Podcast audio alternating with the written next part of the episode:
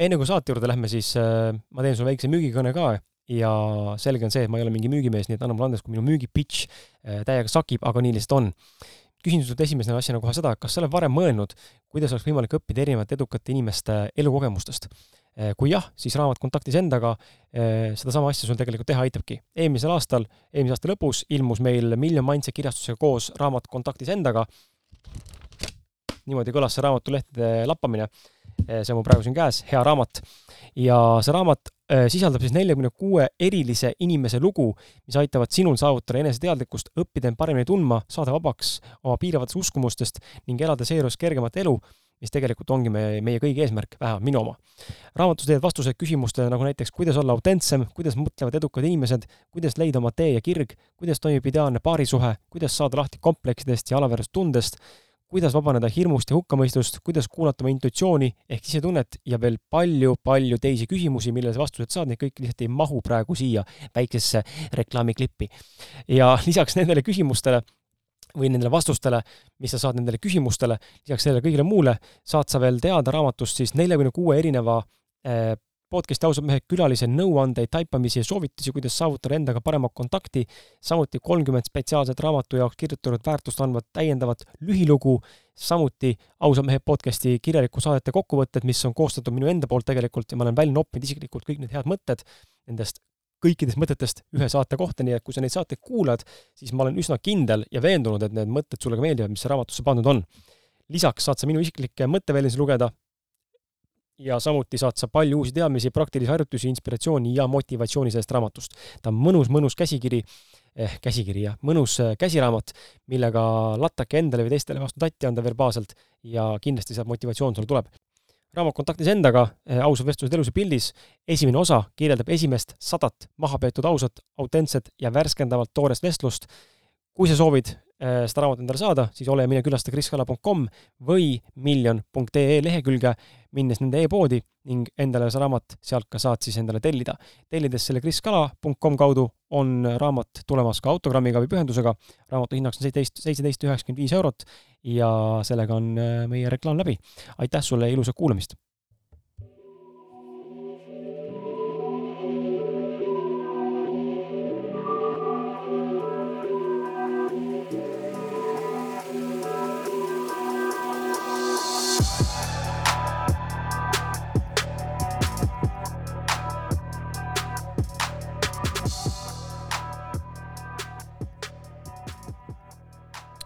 Hallo, hallo, hallo, tere tulemast, tere tulemast kuulama Ausad mehed podcasti. ja egas midagi, järgmine episood on sisse veeremas, ette tuleb võtta mõnus teekond suhete ja, ja seksuaalsuse teemadel.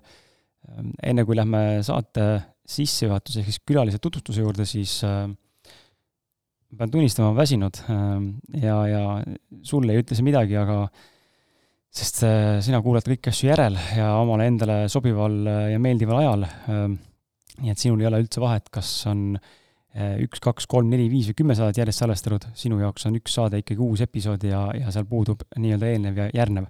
et aga Pirgot siis peab arvestama sellega, et ma võib-olla olen natukene sellisem väsinum, aga ma olen endast parim, et mitte väsinud olla, et ma, eile oli meil maraton, kolm salvestust järjest ja ja viimane oli siis, äh, lõppes seal üheksa ajal Vihula mõisas, kus oli Rene Pürklandiga oli meil äh, live podcast'i salvestus.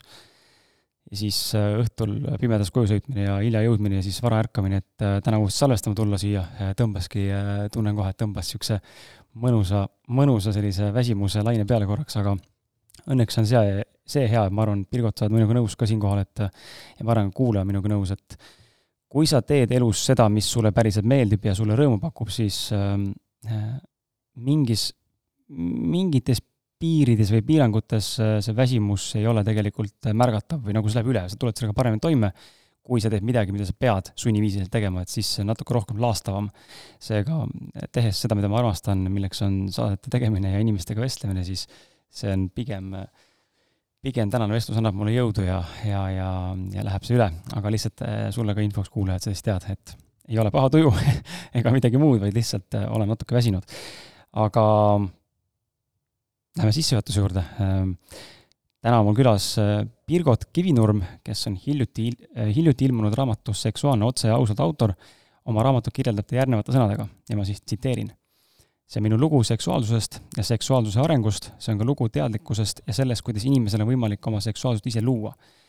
Birgot on abikaasa ja kolme lapse ema, olles korraga nii õpilane kui ka õpetaja äh, ja see õpilane ja õpetaja käib siis elu enda kohta kui ka mingite valdkondade kohta, kus ta tegutseb lisaks on ta koduhoidja, maailmarändur, äh, vaatleja ja kirjapanija.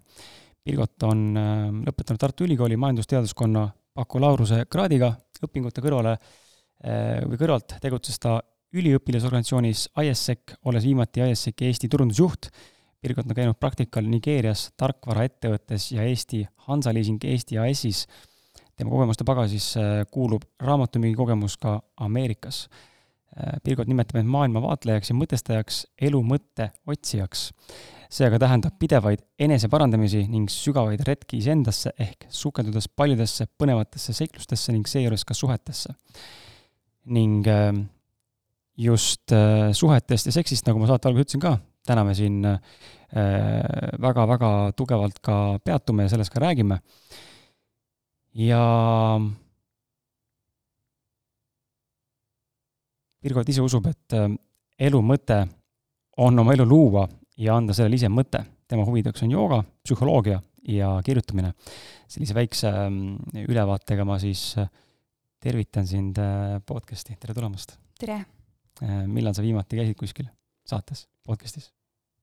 see oli eelmise aasta lõpus Jess lapsed podcastis jess, Jesper Parve lastesaated? ei, see on hästi huvitav jah, see nagu oleks Jess kirjastus ja, aga see on hoopis, hoopis teine asi.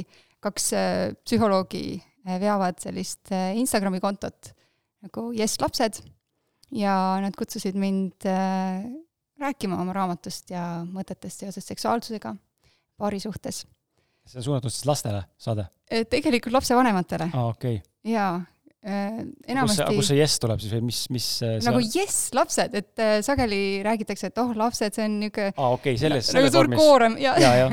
Okay. aga tegelikult see on nagu jess, vägev, lapsed, nii, kuidas ja. me nüüd äh, toimetame ja okay. seal ma siis äh, esinesin, aga seda ma sain kodust seal osaleda, et ma ei pidanud kuskile stuudiosse minema. Okei okay,, nüüd ma saan aru. Ähm, tee korra veel äh, paar korda häält, ma käin su heli korraks üle veel. veel, räägi natuke juurde nii, ma räägin siis juurde. nii, nüüd ma keeran sinu seda asja siit natukene vähemaks sinu enda poolt ja siit võtan ka maha. nii, väga hea. Eh, vot ongi iga saatekülalise tämber ja hääle tugevus on erinevad ja siis tuleb siin vahepeal lihtsalt seda pulti kalibreerida. väga äge, mul on hea meel, et sa oled lõpuks saates ehm, ja, ja ma lugesin su raamatut ja, ja see oli huvitav mm. -hmm.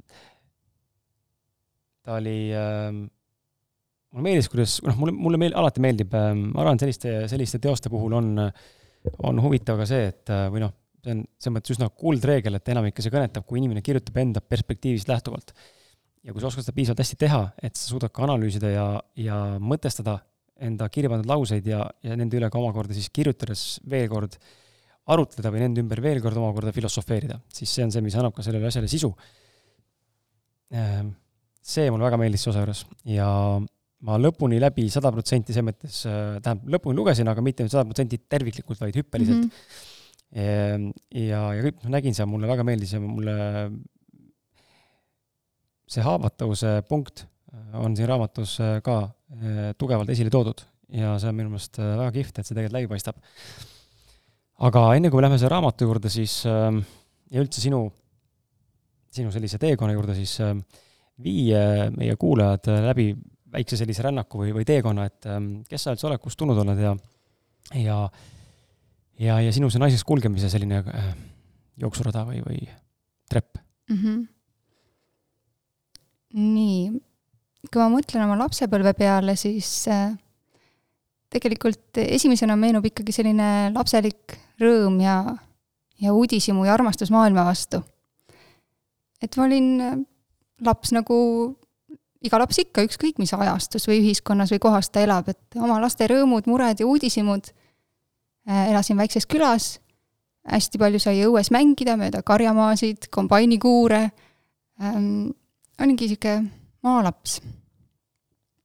elasin tüüpilises nõukaaegses kortermajas mm,, kus äh, üheks nagu tollal tundus loomulikuks osaks oli ka sellised regulaarsed joomingud ja, mm, ja tegelikult ka vägivald.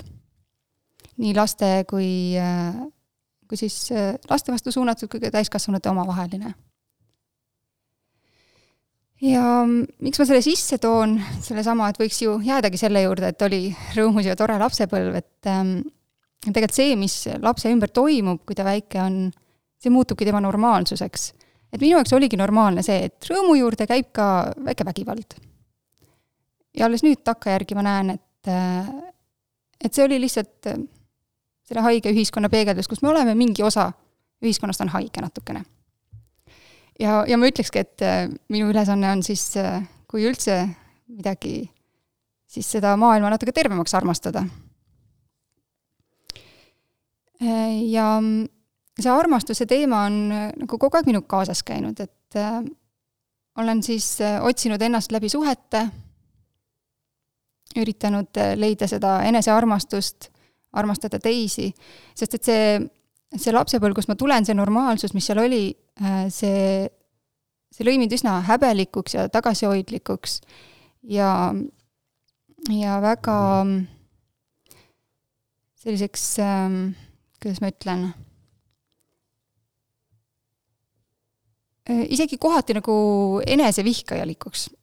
Tõesti oli hetki, kus, äh, kus ma mõtlesin, et äh, et kui selline on maailm, siis ma olen selle ära teeninud, ehk et mingisugused alandused, vägivald, et et siis ma olen selle ära teeninud, järelikult ma pean olema ikka ilgelt paha inimene.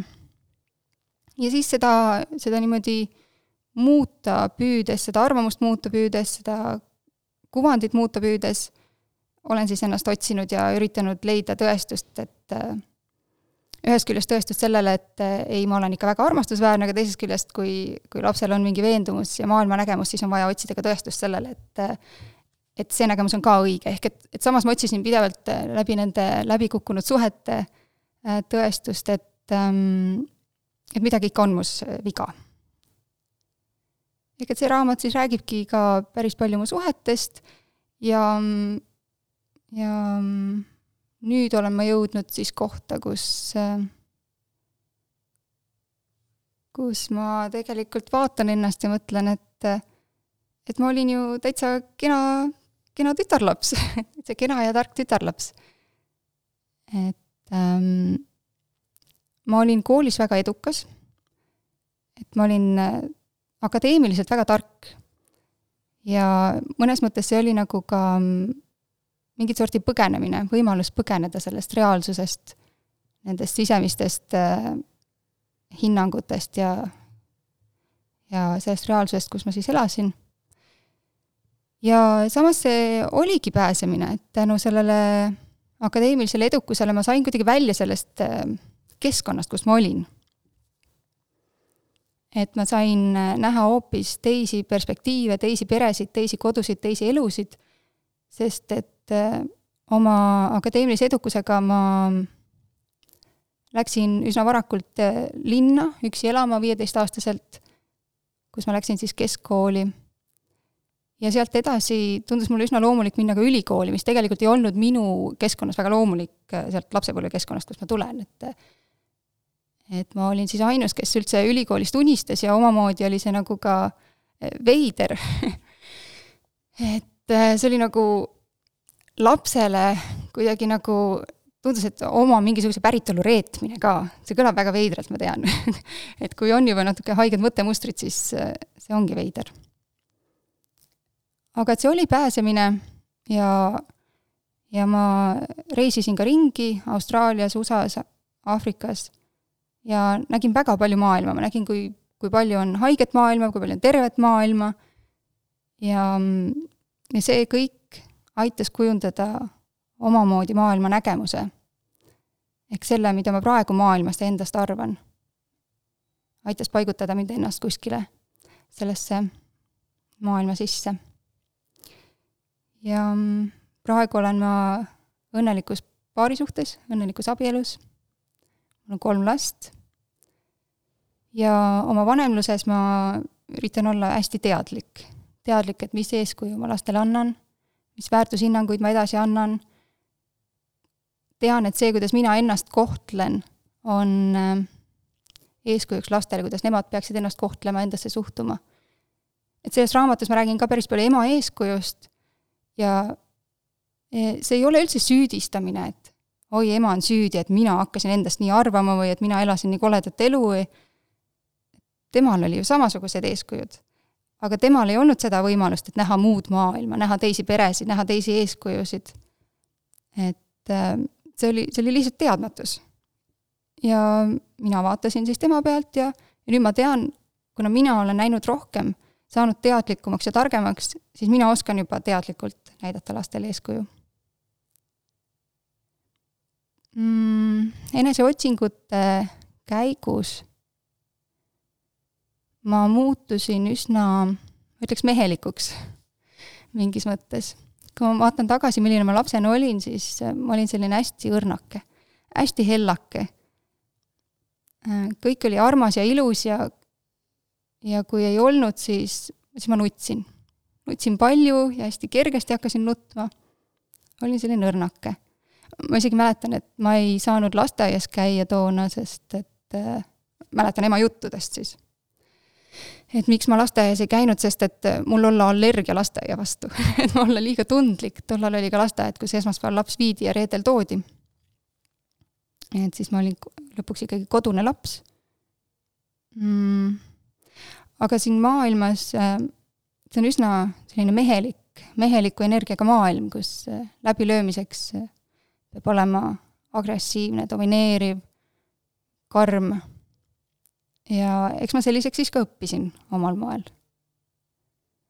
aga kuna see ei olnud mu loomuliku olemisega kooskõlas, siis äh, tegelikult see viis hukatusse mm,, väga suurde tühja auku.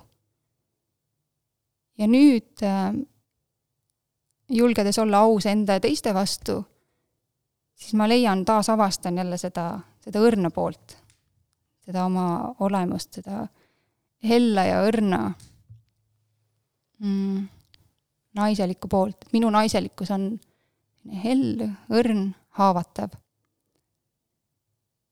ja ma tean, et ma saan seda olla sellepärast, et mul on kaaslane, kes on piisavalt mehelik, küpselt mehelik, kes oskab seda hinnata ja peab seda endaga võrdseks, mitte kuidagi alaväärsemaks või alamaks. kuna tema toetab minu sellist olemust ja minul on turvaline olla selline, siis meil ongi selline mõnus paaridünaamika kus me saame olla mõlemad päris ehedalt ise, nagu me oleme. ma hüppan siia korra vahele. võtan kinni sellest äh, lasteaias mittekäimise teemast. see on mm, -hmm. täna on see väga aktuaalne teema, kas panna last äh, lasteaeda, mitte panna lasteaeda, mina lähen ilmselt ka seda teed, et ei pane lasteaeda. Neid põhjuseid, äh, miks ma seda teen, noh, ei hakka täna võib-olla lahkama, aga mind huvitab just selle koha pealt, et kuidas see sind mõjutas? kas mm sa oskad niimoodi nagu näha nüüd mm -hmm noh, võrdlusmomenti ei ole, eks ju, sa ei näinud ennast sellisena, kui sa oleksid käinud seal mm, -hmm. sa nägid ennast sellisena, nagu sellisena olid, sa ei käinud, või noh, et, et kui sa oleks näinud ennast sellisena, et sa käisid seal, mis siis oleks saanud, aga et mm -hmm. äkki sa oskad nagu kuidagi oletada või nagu oskad sa vaadelda, et mida see tegi sulle või mida ta tegemata jättis? ma arvan, et see oli tohutu õnn, et ma ei käinud lasteaias, tagantjärgi. et mu olemusega tõesti ei sobinud see, aga toona oligi lasteaed teistmoodi et äh, tänapäeval saab ka viia paariks tunniks hoidu või pooleks päevaks või mis iganes, et toona see oligi minu arust väga ebainimlik viia laps nädalaks ajaks mm,. eks mu keha siis andiski märku, et see ei ole mulle loomulik, see ei ole mulle vastuvõetav ja õnneks siis arstid ka soovitasid emale, et mitte panna mind lasteaeda. ja see on, see oli puhas õnn, et ma sain kodus kasvada niimoodi. väga palju ka oma pead aga tänapäeval ma, või noh, täna ma vaatan oma laste pealt, mul on ju kolm last, et ähm, esimene laps äh, läks lasteaeda kahepooleselt ja teine juba tegelikult hoidu pooleteistaastaselt äh, niimoodi paari tunni kaupa, et ma sain siis ülikoolis käia loenguid võtta. ja praegu kolmas laps on mul poolteist ja ma ei plaani niipea teda lasteaeda viia.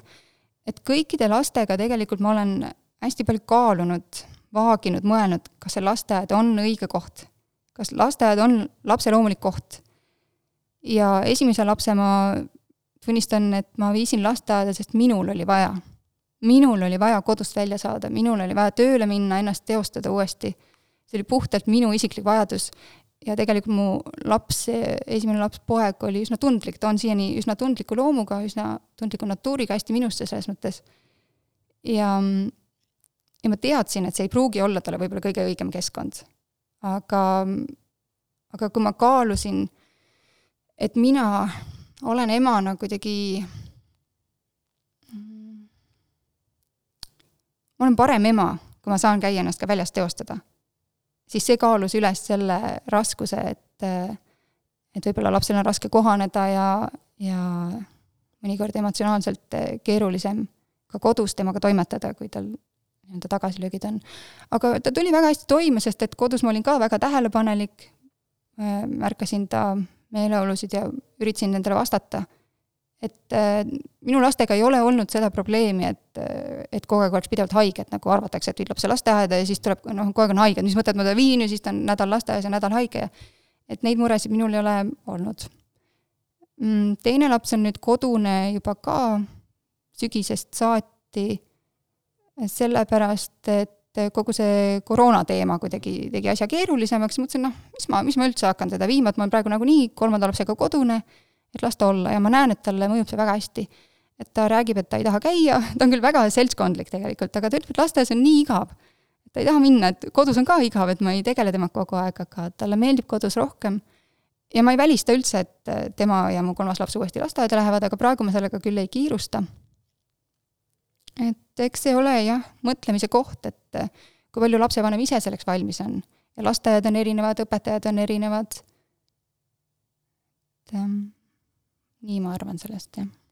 ei, see on lihtsalt, lihtsalt küsin vahele nagu, et see on ka huvitav teema, kuidas keegi seda asja näeb ja miks ta nagu neid otsuseid teeb, et kõige suurem ju, kõige suurem argument, mida tavaliselt äh, välja tuuakse, on siis see sotsiaalsuse puudumine, kui laps lasteaias ei käi, siis sotsiaalsust mm -hmm. ei ole, onju, mina niimoodi ei arva, aga ma arvan, et ka lapsevanematena on võimalik ja. Äh, lapse, lapsele sotsiaalsust tekitada, et seal ei pea ilmtingimata mm -hmm. olema oma ma olen täiesti nõus, et kui kolmeaastased lapsed, et võib-olla nad alles hakkavadki õppima tegelikult teiste lastega koos mängima.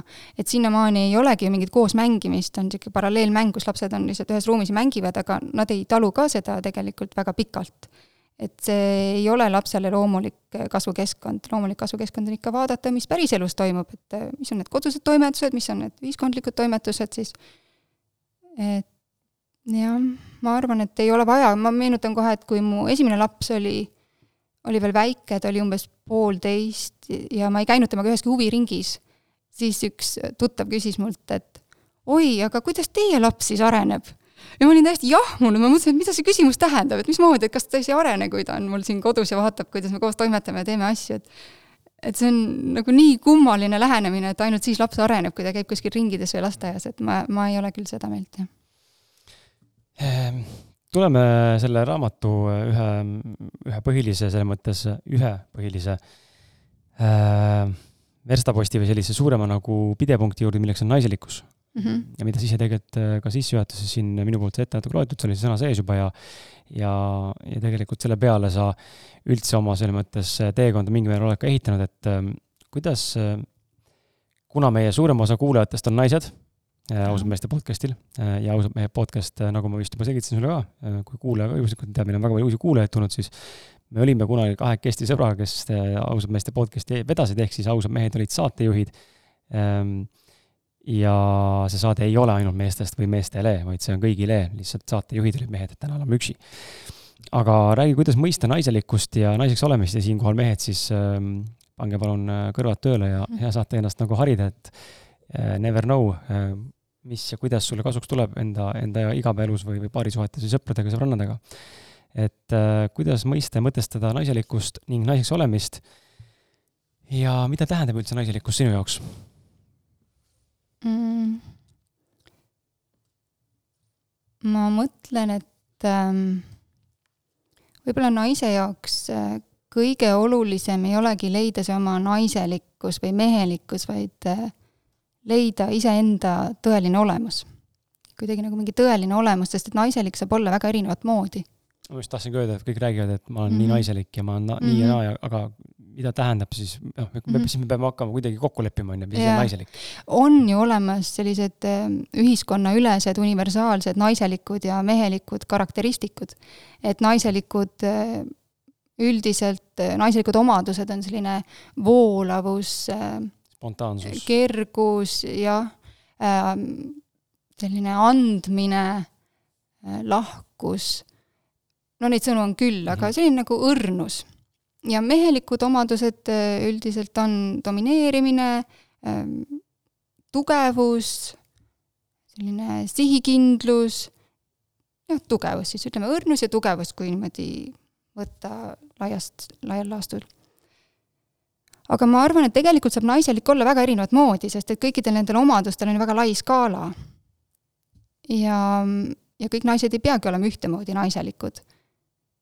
Et võib-olla alguses, kui ma üritasin ka kuidagi naiselikkust teadvustada, siis äh, tahtsin ka nagu kuidagi olla niimoodi ühiskondlikult aktsepteeritavalt naiselik ja nii tahtsin teada, mis see naiselikkus siis on ja kuidas on naiselik ja aga tegeledes joogaga ja enda sisse vaatamisega ma saan aru, et äh, olulisem on leida see enda olemus ja mina näen nüüd ka tagasi vaadates lapsepõlve, et et minu olemus ongi selline väga õrn ja leebe ja, ja tundlik. ja, ja sinna sellepärast ma olengi jõudnud oma nende praktikatega. et see on minu olemus. ja, ja kui mõni mees teeb samu praktikaid, kes on hästi mehelik, siis ta võib teha täpselt samu asju aga jõuda hoopis kuskile sellisesse rangesse domineerivasse kohta, sest see on tema olemus. et ähm, näiteks meditatsioon. Kui mina mediteerin, ma jõuan ühte kohta, sina mediteerid, sa jõuad hoopis teise kohta, kuigi me teeme sama praktikat. mulle tundub, et see, et selles ühiskonnas no nagu ma ütlesin, et on kuidagi niisugune mehelik edukultuur ja, ja naised on kuidagi selles ühiskonnas ka ähm, kuidagi muutunud äh, natukene mehelikumaks, võib-olla kui nende loomulik olek muidu oleks. sest et üldiselt äh, siiski ma arvan, naised on oma olemuselt äh, kuidagi voolavamad ja empaatilisemad näiteks. ja meestel on võib-olla raskem seda empaatiat tunda ja väljendada üldiselt mm. -hmm. see võib olla väga, väga ka teistmoodi ja et selles mõttes tõesti naised võib-olla võiksid tegeleda selle oma naiselikkuse leidmisega, et, et saada ühendust siis nende oma loomu, loomupärasemate omadustega. aga see naiselikkus ei ole kõik ühesugune mm. -hmm. no teine äärmus on nüüd see, et mehed on liiga naiselikud tänapäeval mm. -hmm.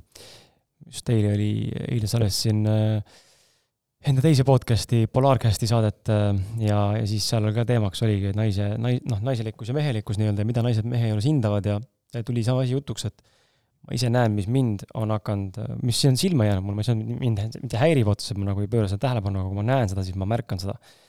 just nagu meeste puhul, et kõik need spirituaalsed mehed, kes mm -hmm. noh, ma võin ka öelda, ma noh, ma võin öelda, ma olengi, ma olen ka vaimne mm, -hmm. vaimne inimene, vaimne mees, aga, aga ma ei näe välja võib-olla kõrvalt vaadatuna, enne kui ma suud lahti ei tee või mingisuguseid väärtusi ei tea, aga ei näe välja, ma tegeleksin mingite vaimsete asjadega mm. -hmm. Aga mõne, täna kui vaatame nagu inimesi, kes on spirituaalses maailmas, siis noh, kõik gurud või sellised ennast tiitlitega nii-öelda kaunistavad mehed, need on kohe näha, et nad on mingil tasemel, mingil määral kuidagi seal spirituaalses maailmas kümblevad mm. kas siis välimus vihjab sellele, riietusstiil või, või soeng või mis iganes veel väljendusviis. ja mulle tundub, et me oleme hästi palju selle mehelikkuse, mehe, meestena liigutakse hästi palju praegu selle haavatavuse ja ja emotsioonide näitamise juurde, mis on kõik okei okay ja fine. aga mingis mahus nagu seda on nagu üle võlli veits mingis kohas. noh, lihtsalt mingid näited on, kui mees räägib seal südame avamisest või mingitest asjadest, siis need on nagu sellised kohad juba, kus on tekkinud mu küsimus, et millest te nagu räägite? jaa, ma suhestun sinuga küll jälle täpselt otsapidi sellesse, mida, millega ma enne lõpetasin, et need mehelikumad naised mingis mõttes tõepoolest soovivadki enda kõrvale naiselikumat meest. sest et mulle tundub, et ühes paari suhtes see energia peab justkui olema tasakaalus. et see naiselikkus ja mehelikkus on, on osa sellest, nagu seksuaalsest energiast, mis on kogu loomisenergia, loomisjõud, et me oleme kõik loodud siia duaalsena, kogu see maailm, nii ka mees ja naine, et igas mehes on tegelikult nii naiselik kui mehelik pool, igas naises on nii mehelik kui naiselik pool. et meil kõigil on need mõlemad pooled olemas, see duaalsus on meil olemas mulle tundub endale, et paarisuhe ongi see, kus need energiat nagu kuidagi harmoniseeruvad ja tasakaalustuvad. et võib-olla kuna naised on muutunud mehelikumaks, siis mehed äh, peavad muutuma naiselikumaks, et see dünaamika kuidagi toimiks. aga ma ei ole lõpuni kindel, et see tegelikult teeb inimesed õnnelikuks, kui see ei ole nende päris loomulikust äh, tõelisest olemusest tulenevalt. et naine võib-olla on muutunud mehelikumaks äh, nagu ühiskonna nõudmisel ja siis selle tasakaalustamiseks ta võtab endale kõrvale naiselikuma mehe, aga nad ei pruugi olla õnnelikud, sest tegelikult kumbki ei ole oma päris väes.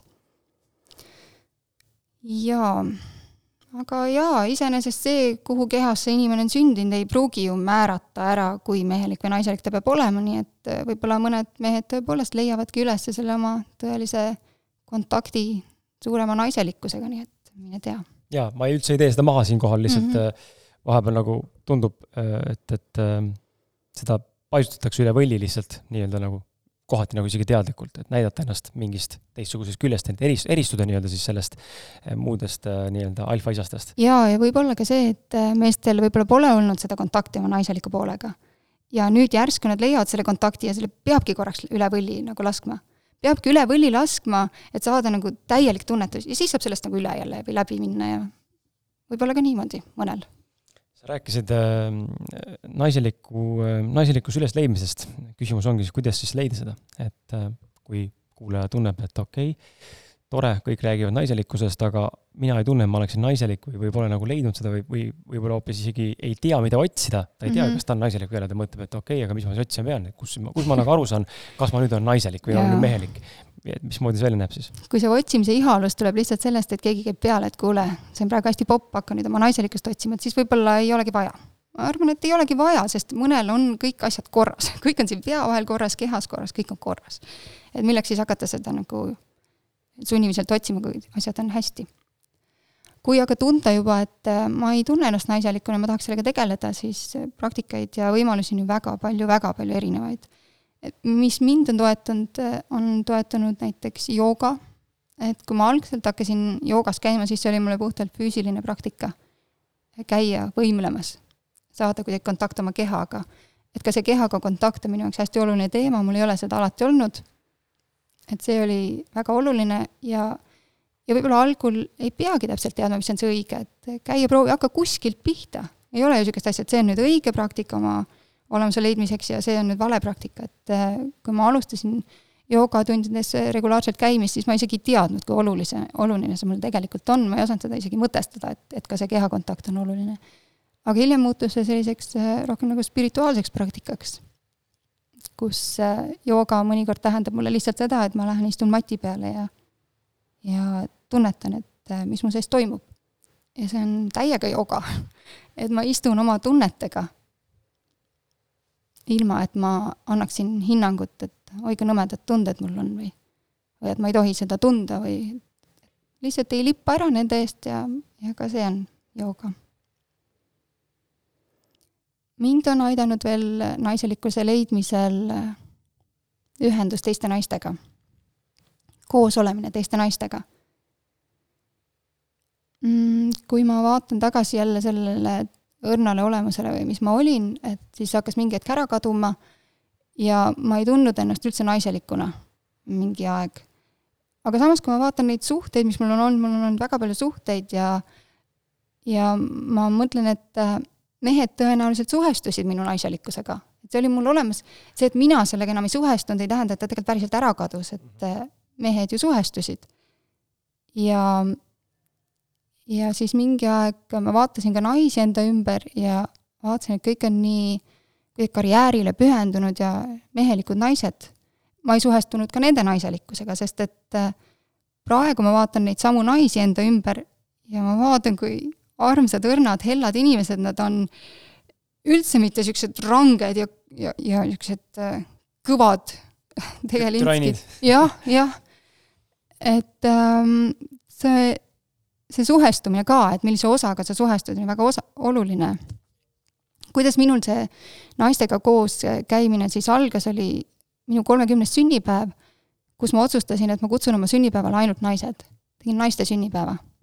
see oli selline esimene samm, ma tundsin, et ma nii tunnen puudust sellest äh, naiste nagu ehedast suhtlemisest. ja see oli esimene samm ja pärast seda ma hakkasin korraldama, algul üritasin iga kuu mingisuguse naisteõhtu korraldada. ja siis tundus seda liiga palju ja iga mõne kuu tagant nüüd. nii et siis umbes viis aastat on need naisteõhtud meil toimunud ja mind on see väga palju aidanud. see on nagu imeline, et ma ei pea käima kuskil mingitel joogaretriitidel, mida praegu ka arvatakse, et maksan palju raha ja lähen ja siis ma saan seda naiste väge ja siis ma saan, kuigi ka see on väga äge. ma isegi kavatsen minna ühele eh, suvel ühele jooga, naiste joogaretriidile. ja ma olen käinud ka ühel naiste jooga paaripäevasel sellisel eh, ja joogalaagris, ütleme niimoodi. aga see ei ole vajalik võib-olla noh, see ei ole, seda ei pea tegema, sellesama naiste ühenduse saab kätte ka, kui sa lihtsalt võtad oma sõbrannad ja räägid ehedalt juttu. Ehm, mis me siis oleme teinud oma naisteõhtutel, need on olnud väga-väga eriilmelised. mõnikord oleme kokanud midagi, näiteks äh, avardanud oma kokaoskusi mingit vegan toitu õppinud tegema mm,. oleme joonistanud äh, mandalat näiteks, õppinud, mis see, mis see endast kujutab ja, ja kuidas seda teha et jah, täitsa seinast seina, meil on olnud ka selline hästi intiimne istumine minu kodus vaiba peal, kus me arutleme oma naiselikkuse üle pisarateni, vaadates tagasi, kuidas meie emad on olnud eeskujuks ja mida me oleme sealt kaasa võtnud ja hästi ehedalt jaganud, et, et mis on meie mured ja rõõmud, uhkused ja häbid. ja, ja viimane, kusjuures, viimane naisteõhtu äh, oli äh, sensuaalse tantsuõhtu, kus me olimegi, kõik isegi ei julgenud tulla kohale või noh, mis ma ütlen, julgeme, see on võib-olla natuke hinnangu andmine, et kõik, kõik ei tahtnud seda, ei olnud, see ei olnud see osa, mida nad tahtsid endast nagu arendada, kuidagi see naiselik külg. aga need, kes tulid kohale, siis me olime seal peegli, peeglitega saalis ja üritasime hästi naiselikult liikuda, hästi sensuaalselt see oli kohati päris naljakas aga see oli nii äge, see oli lihtsalt nii äge, kuidas me naised üheskoos proovisime olla sensuaalsed õpetaja juhendamisel, teha seksuaalseid liigutusi. ja üks minu taotlus selle ürituse korraldusel oli see, et naistel oleks midagi ka koju võtta kaasa. ja, ja kui ma siis kuulsin, kuidas naised kavatsevad oma meestele tantsida ja hiljem üks julges ka rääkida või jõudis rääkida, kuidas ta oma mehele tantsiski ja kui hirmus see algul tundus, aga kui oluline see oli mehe jaoks ja kuidas mees ütleb, et see oli tema aasta üks tipphetki nende suhtes. et sellised asjad on nii ägedad. ja järgmine eh, naisteõhtu on meil eh, ravimtaimede teemaline. nii et täiesti seinast seina mm. -hmm. aga kõik see, et teha seda koos naistega ja jagada oma mõtteid ja tundeid selle juures, õppida üksteise pealt, et kuidas siis olla naine või isegi kui mitte õppida, siis näidata, et näe, niimoodi saab ka olla naine, et et see kõik on mind väga palju aidanud. väga huvitav kas ähm, paaridele on ka midagi sellist äh, mõttes olnud? mul ei ole olnud aga võib-olla keegi teeb või mõtleb. aga äkki tekib? nüüd sa andsid mulle selle mõtte, ma ei tea, võib-olla tõesti. hästi hea mõte tegelikult ähm,. tuleme raamatu juurde, räägime raamatust ka, et ähm, mul on see siin ees, kuulaja, kes äh, kodus on, siis äh, ole hea, mine võta lahti Google ja kirjuta Birgot Kivinurm äh, seksuaalne otse ausalt ja tõenäoliselt sealt sa selle raamatu kaanefotoga leiad, ehm, kui ei leia, siis noh, siis on midagi valesti kirjutatud või, või on vale brauser, aga see ei ole võimalik, et ei leia ehm,. räägi, kust tuli idee üldse kirjutada niisugune raamat ja, ja miks just äh, pealkirjaks on seksuaalne? miks mitte haavatavus või naiselikkus või mm.? see mõte oli mul mitu aastat mulle väga meeldib ennast analüüsida, mõtestada seda kõike, saada aru, miks ma olen selline, nagu ma olen ja miks ma olin selline, nagu ma olin.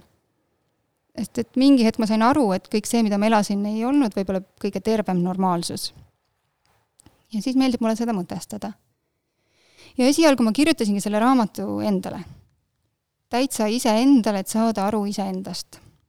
ja see oli umbes kuu aega enne mu kolmanda lapse sünnitähtaega tuli selline tunne, et nii, ma pean selle endast välja saama, ma pean selle kirja saama, ma pean selle üles kirjutama. ma ütlesin abikaasale, et nii, nüüd ma pean kirjutama endale ühe raamatu. ja oligi endale, tema sai aru kohe, et oi, mingi, mingi niisugune oluline tõsine värk ja, ja toetas mind selles.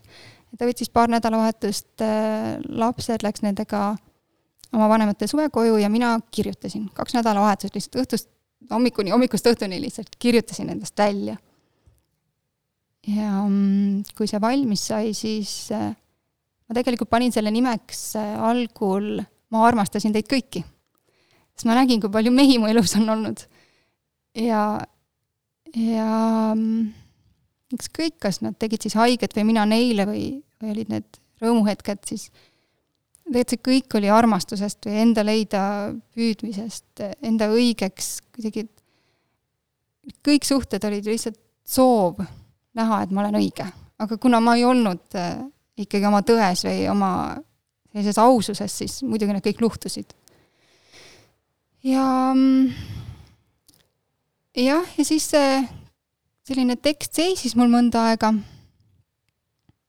ja ja ma mõtlesin, et et ma sain ise sellest tekstist päris palju kasu tegelikult, ma hakkasin ennast ka mõistma paremini, et kirjutamine on üldse mulle väga palju abiks olnud üleüldse terve elu. ja ma tundsin, et need sündmused ja asjad ei tee mulle enam haiget ja ma võiksin seda lugu ka teistega jagada. et nemad saaksid ka vaadata, et et mis asi see endaga tegelemine siis on, et kõik ütlevad, räägi, noh, räägivad, et tegelege endaga, vaata endale otsa, et mis asi see on siis, mida see tähendab. ja ma siis äh, kirjutan seal raamatus, et mida see tähendab. See tähendab, et sa vaatad oma suhted ja käitumised ja mingid stseenid ja sündmused üle ja annad neile mõtte. mõtestad, et miks see nii oli ja alles siis on võimalik hakata midagi muutma, et iseenesest, kui sa oma elus midagi muuta ei taha, siis ei ole vaja seda kadalipu läbi teha, see ei ole vajalik ju. aga kui sa tahad midagi muuta, siis ainult niimoodi saabki muuta, et sa vaatad endale otsa, miks sa oled selles kohas, kus sa oled, ja siis hakkad muutma. Ja, ja siis ma muudkui olengi endale otsa vaadanud ja teinud neid väikseid samme, et jõuda sinna, kus ma praegu olen. praegu ma olen kohas, mis mulle meeldib ja siis ma pakkusin seda raamatut äh, Yes kirjastusele. küsisin, et kas nemad, äh, kas Jesper nemad, Jesper oleks huvitatud äh, sellise raamatu väljaandmisest. Ja kuna see raamat äh, peaasjalikult räägib ju seksuaalsusest, minu seksuaalsuse leidmisest, suhetest, seksist, siis see tabapealkiri tunduski mulle seksuaalne. midagi, mis oleks äh, ühesõnaline, hästi selge. ja otse ja ausalt sealjuures on see sari, mida Jesper siis kirjastab, lihtsalt tal on otse ja ausalt sari ja, ja selline see pealkiri siis niimoodi välja tuligi kuidas äh, sina, sina julged nagu selles mõttes olla mm, aus ja autentne ja haavatav ja, ja ka minus mehena on see pool olemas ja, ja seda ma olen ka teinud. siin saates on räägitud äh, nende sada tundide, sadade tundide jooksul, ma arvan, et äh, ei ole teemat, millest ei oleks räägitud mm. -hmm. ja mis sa arvad, miks on selline äh, ausus või haavatavus või autentlikkus äh, oluline ja vajalik, ma ei, ei, me ei saa siin ilmselt äh, öelda, et seda peab tegema, igaühe enda otsus on, kas ta tahab seda teha mitte, sest see ilmselgelt nagu iga teoga kaasnevad mingisugused vastutused ja tagajärjed mm, -hmm. olgu need negatiivsed või positiivsed kindlasti, kindlasti mõlemad, aga miks mis, mis, mis sa oskad öelda julgustavat, miks inimene peaks tahtma ennast äh, sellisel viisil avalikult alasti võtta ja, ja kas seda saaks ka teha teistmoodi, võttes küll alasti, aga võib-olla mitte nagu otse avalikult välja tulles mm? -hmm. jaa, seda kindlasti saab teha teistmoodi ja kõik algabki ju iseendast. selles mõttes, et kui sa oled juba enda vastu aus, siis ongi kõik hästi, sa ei pea käima ja kuulutama, on ju. seda saab teha igat moodi, aus saab olla väga igat moodi ja ma täiesti aktsepteerin seda, et kõigile ei sobi see minu moodi.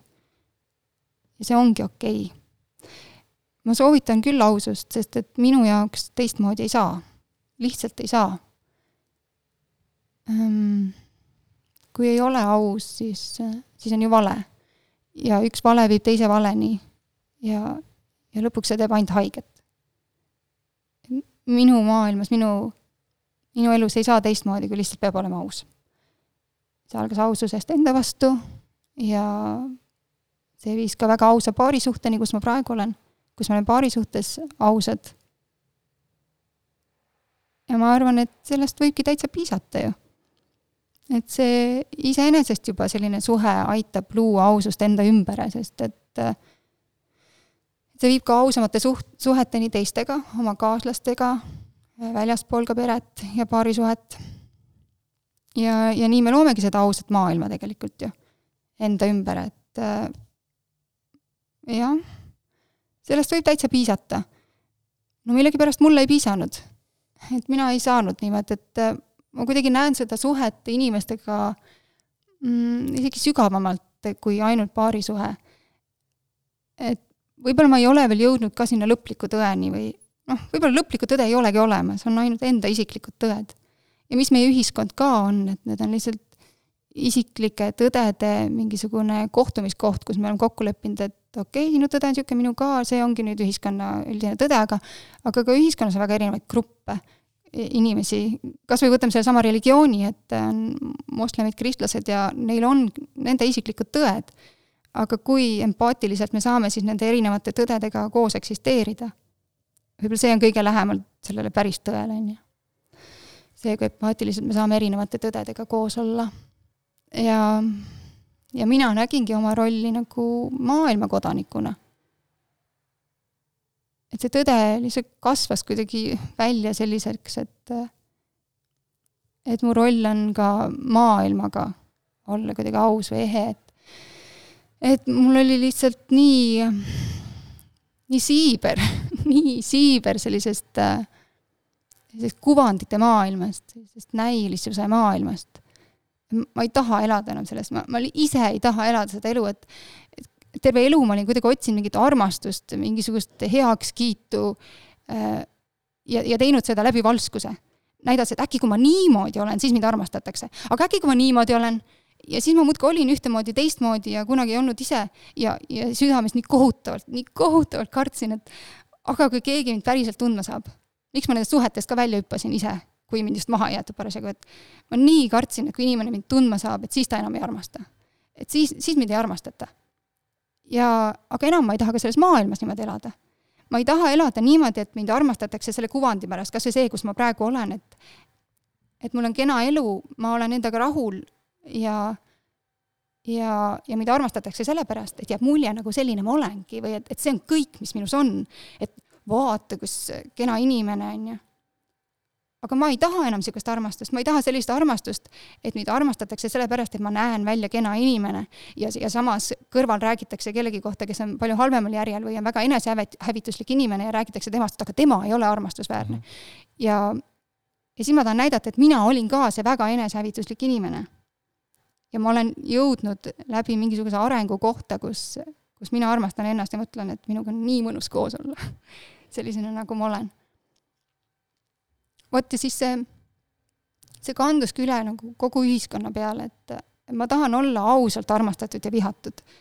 ja see soov ähm, tingiski selle, et et äh, mul ei ole kuidagi kahju jagada seda kogemust, näidata, kes ma tegelikult olen.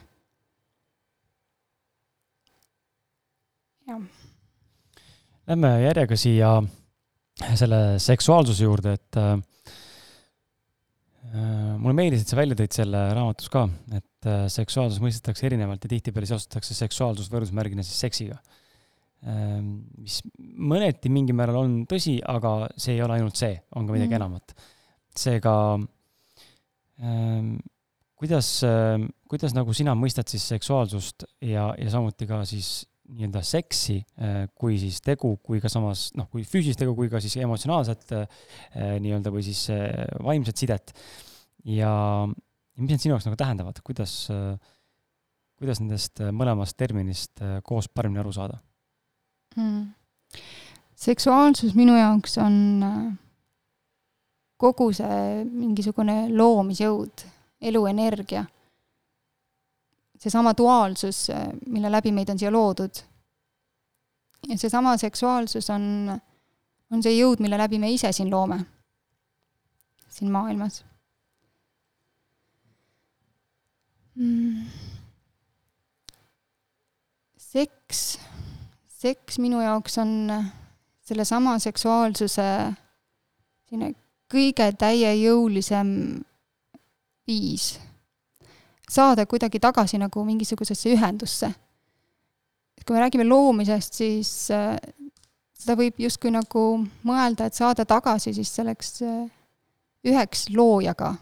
et äh, on ju ka teooria, et miks me siis nii hirmsasti seda kehalist lähedust otsime, et laps on ema sees kasvanud üheksa kuud ja kui ta välja tuleb, siis tal tegelikult on see esimene kogemus on ikkagi ühenduse kogemus, olla emaga üks. Ja veel mõnda aega ta arvab, et ta on emaga üks. ja siis ta justkui terve elu otsib seda võimalust saada jälle üheks. et see võib olla puhtalt kehaline, aga mina näen seda ka väga vaimsena. et saada üheks äh, loojaga, et loodu oleks siis loojaga üks. ja see ongi seks minu jaoks pigem selline spirituaalne praktika. küll aga siis äh, okay, spirituaalne praktika, siis võib-olla kuulaja äh, toob kohe paralleeli, et aa, tantra siis jah, et aga sa ei mõtle siin otseselt tantrat või sa ikkagi äh, pigem mm. mingis mõttes mõtlen ka mm, -hmm. mingis mõttes mõtlen ka tantrat, sest et mind on tantra väga palju aidanud enda seksuaalsuse avastamisel ja avamisel Äh, et mis see tantra siis on, et äh, noh, meie lääne ühiskonnas tantra ongi justkui võrdsustatud seksiõpetus, mida ta tegelikult ei ole. tantra on lihtsalt elamise õpetus, nagu kristlus või mis iganes. Äh, aga tantras on lihtsalt see erinevus, et seal on kõik lubatud või kõik, mis, kõik, mis elus on, sellele öeldakse jaa, et kõik on okei okay,, kõik on lubatud, kaasa arvatud seksuaalsus. et seksuaalsus on lubatud ja ka seksuaalsuse sees on kõik lubatud, kui, ähm, kui see kedagi ei kahjusta. ja, ja sellepärast meil siin ühiskonnas see tantra, ma arvan, nii äh, seksuaalsest aspektist ongi teada ja tuntud ja terve trobikond inimesi, põlvkond inimesi käib ennast seal tantralaagrites ja kursustel otsimas, sest et meil ütleme siis kristlikus ühiskonnas on see olnud tabu pigem. või vähemalt see on olnud selline ma siiski ütlen sõna tabu jah, et me oleme küll väga seksualiseeritud, aga, aga kristlikus vaatenurgast see on siiski olnud selline natuke tahu, tabu või paheline mm,. meil kohe üks tsitaat, mis ma kuskilt lugesin, keegi oma elu, elu üle järele mõeldes ütles seda, et et tema sai kirikust kaasa mõtte, et või noh, kristlusest, ütleme siis kaasa mõttes sellest, kus tema oli, et et seks on midagi väga halba. seks on midagi halba ja paha ja patust, aga sa pead selle säästma kõige kallima inimese jaoks. talle tundus see nii vastuoluline ja seda lugedes ma mõtlesin, et jaa, mul on ka mingis mõttes sama kogemus, et ma olen olnud ju kunagi pühapäevakooli õpetaja ja, ja käisin väga truult koguduses ja, ja ma sain sealt kaasa üsna palju sellist häbi ja tabu tegelikult oma keha ja, ja seksuaalsuse kohta. ma ei ütle sugugi, et see kõigil nii on. et panna kohe patta, et äh, kirik on paha, seda ma ei kavatse siin teha. aga minu kogemus oli see. nii et mõnda aega ma äh, kohe kuidagi jah, halvustavalt isegi suhtusin küll kogu sellesse, sellesse kristlikku maailma ja vot sellepärast see tantra nüüd on siin see meie seksuaalõpetus. justkui, kuigi tegelikult on elamisõpetus, et see osa on olnud nii haige, seksuaalsuse osa, seksuaalsus meie ühiskonnas on nii haige. ja seda ma näitan ka oma raamatus mingis mõttes, et, et seksuaalsus meie ümber on nii haige, mis võib tulla ka sellest mahasurumisest paljustki ja seks kui spirituaalne praktika, ta muidugi on äh, ikkagi ka kehaline praktika. et siin, siin maailmas me kuidagi elame ja teostame ennast ikkagi kehadega ja ka seda spirituaalsust saame läbi keha mm.. jah, seks kui spirituaalne praktika. et selle juures siiski on ka iha. aga mida see eelkõige tähendab, on see, et seks ei ole mingi võimumäng, mida ta sageli minu meelest on siin ühiskonnas, et äh, hästi jälle lihtsustatult, et mehel on raha ja naisel on seks ja siis kumb nüüd saab võimu endale. see ei ole ka mingisugune mahalaadimise koht, kus mees tuleb ja kogu oma mingisuguse jama ja stressi naise sisse ära maandab. või et siis, et naine tahab kuidagi olla heaks kiidetud, mis minu jaoks oli päris palju seks tegelikult minevikus, et olla kuidagi heaks kiidetud. saada mingisugust tunnustust selle läbi. et, et ma olen Part, piisav. partnerid siis? partnerilt mm, -hmm. just et aga see spirituaalne praktika võib-olla kõige lihtsam ongi siis selle kaudu väljendada, et mida ta ei ole, on ju, et spirituaalses praktikas ei, ei ole seda kõike.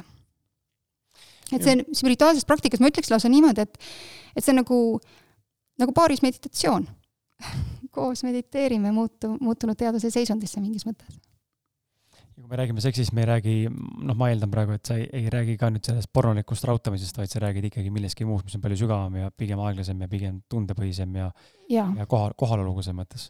jaa, ma pornost kohe kindlasti ei räägi, pornost äh,, porno on väga ebaadekvaatne seksikäsitlus minu jaoks.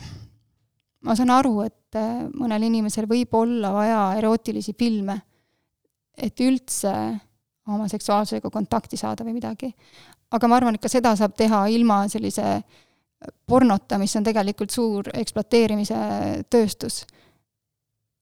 jah, sellest ma ei räägi. see, mis mul raamatus väga nagu heas mõttes pakkus huvi ja, ja tõi nagu, tekitas selle koha, et hmm, väga huvitav. Et sinu see tegelikult see ju saaga või teekond ähm, seksuaalsuse, seksi juurde algas tegelikult väga varakult, esimesed selles mõttes nii-öelda katsetamised või, või nagu huvi, huviorbiidid mm. -hmm. ja meil on varem ka inimesed rääkinud sellest, kes on äh, noh, kes mis iganes vanuses selle juurde läheb, on ju, või nagu huvi hakkab tundma, siis äh, peatus korra selle ka, mis sa arvad äh,.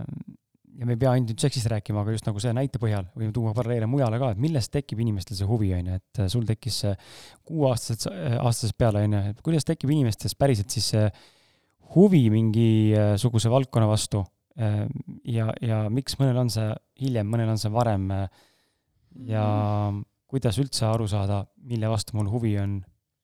Ja, ja kui ma näiteks, ma ei tea, näen ära, et mul näiteks on huvi seksi või mul on huvi autode või mul huvi barbide vastu, siis kus ma nüüd tean, et ma sinna peaksin nüüd panustama, et seda valdkonda veel rohkem süviti mm -hmm. Küsimusi on palju. jaa, oi, seal on ju nii palju põhjuseid ja mõjutajaid. noh, seks, huvi seksi või autode vastu, ma ütleks, et see loomulikult ei ole äh, sama või noh, oma loomuselt see ei ole sama, kuigi see võib kujuneda lõpuks selleks. et ka, et ka seks on mingi sõltuvus, on ju mm. -hmm aga algselt ma arvan, me olemegi väga seksuaalsed olendid. me, kogu meie keha on väga seksuaalne, väga erogeenne. ja, ja loomulikult lapsed avastavadki oma keha.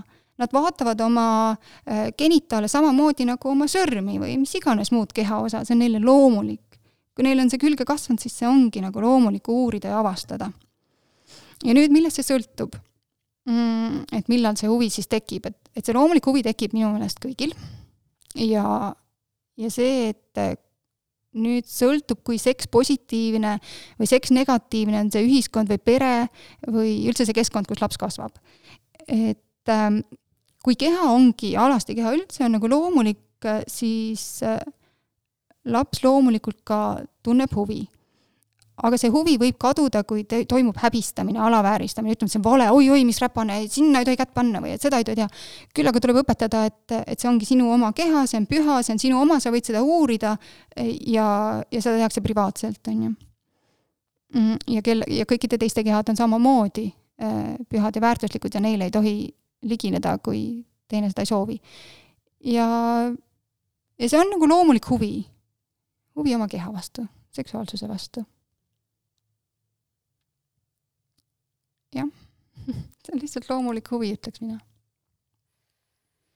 Ehm, enne sa mainisid seksuaalse kogemuse juures ka seks-, noh, üldse seksu-, seksuaalsust, et äh, mul on raamatust jäi jälle lugedes silma äh, selline lause, et äh, sünnitamine ja rinnaga imetamine on ka seksuaalne kogemus. see tundus mulle midagi, ma, vist mõistan, mida sa nagu tahad öelda sellega, aga mul tekkis huvi, et äh, mida sa selle all silmas pead mm? -hmm. äkki sa natuke selgitad?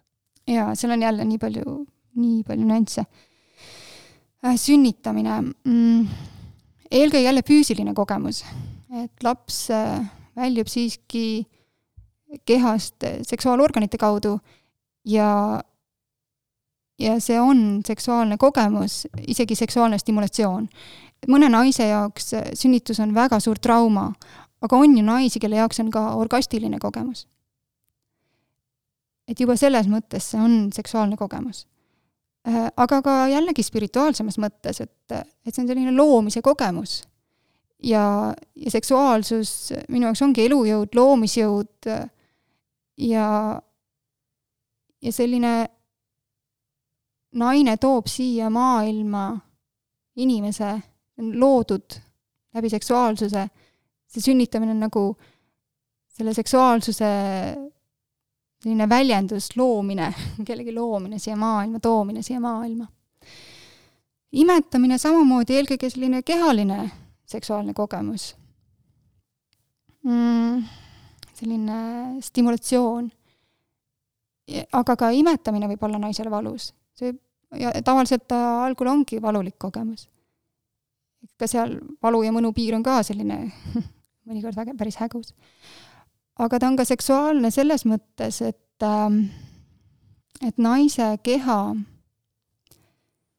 kui hakata naise keha avama niimoodi teadlikult võtta, ma nüüd hakkan naise keha avama seksuaalselt, siis naise keha avamine ikkagi toimub äh, rindadest genitaalideni, mitte vastupidi, et see ühendus äh, on rindade ja vagiina vahel, on väga tugev otsene ühendus. kuni selleni välja, et rindade stimuleerimisest võib saada orgasmi mm,. nüüd jällegi vähe, vähe teistmoodi seda seksuaalsust või ütleme siis läheduse kogemust, et see kehaline kogemus, olles lapsega nii palju koos, ta on sul pidevalt rinna peal, kogu aeg keha juures siis see üleüldine mingisugune läheduse vajadus saab nagu rahuldatud. et võib olla, et, et naisel justkui ei jagu enam mehe jaoks oma kehas seda kohta, et tahta lähedust, sest ta on oma läheduse vajaduse nii kätte saanud, see on nii ähm, rahuldatud või isegi lausa ülestimuleeritud selline kehalise läheduse vajadus.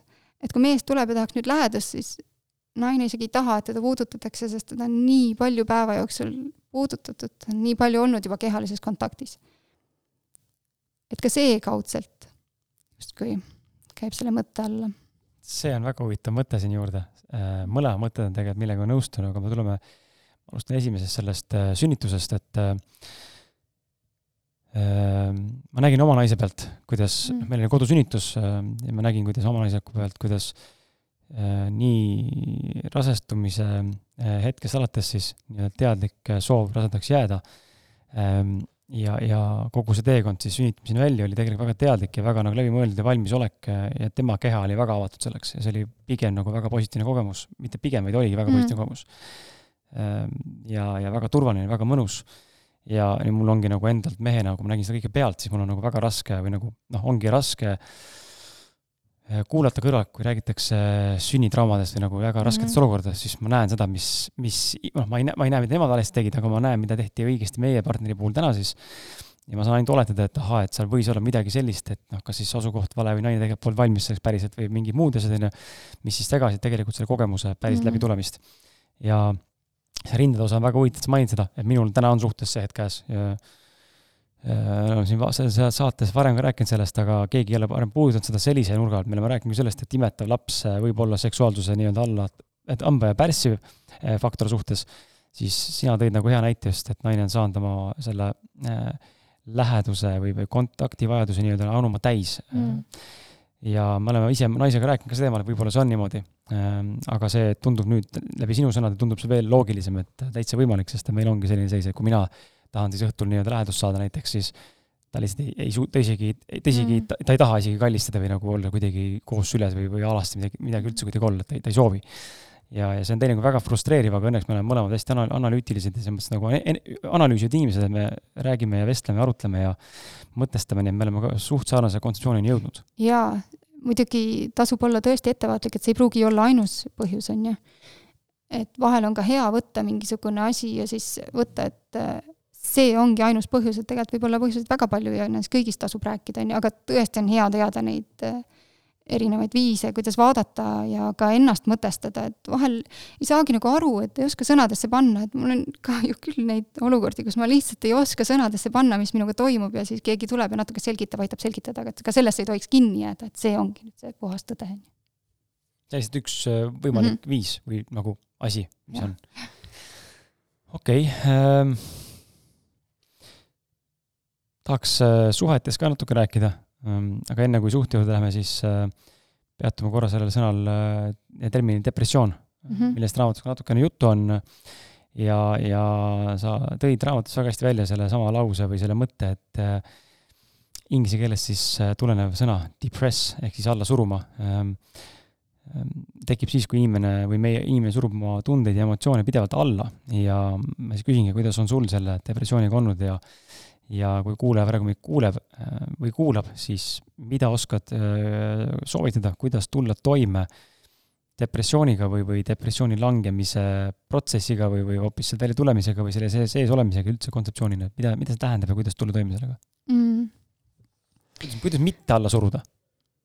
Mm, minu kogemus on see, et, et jah, mina jõudsin ka depressiooni ikkagi läbi selle, et ma olin kogu aeg oma olemust alla surunud.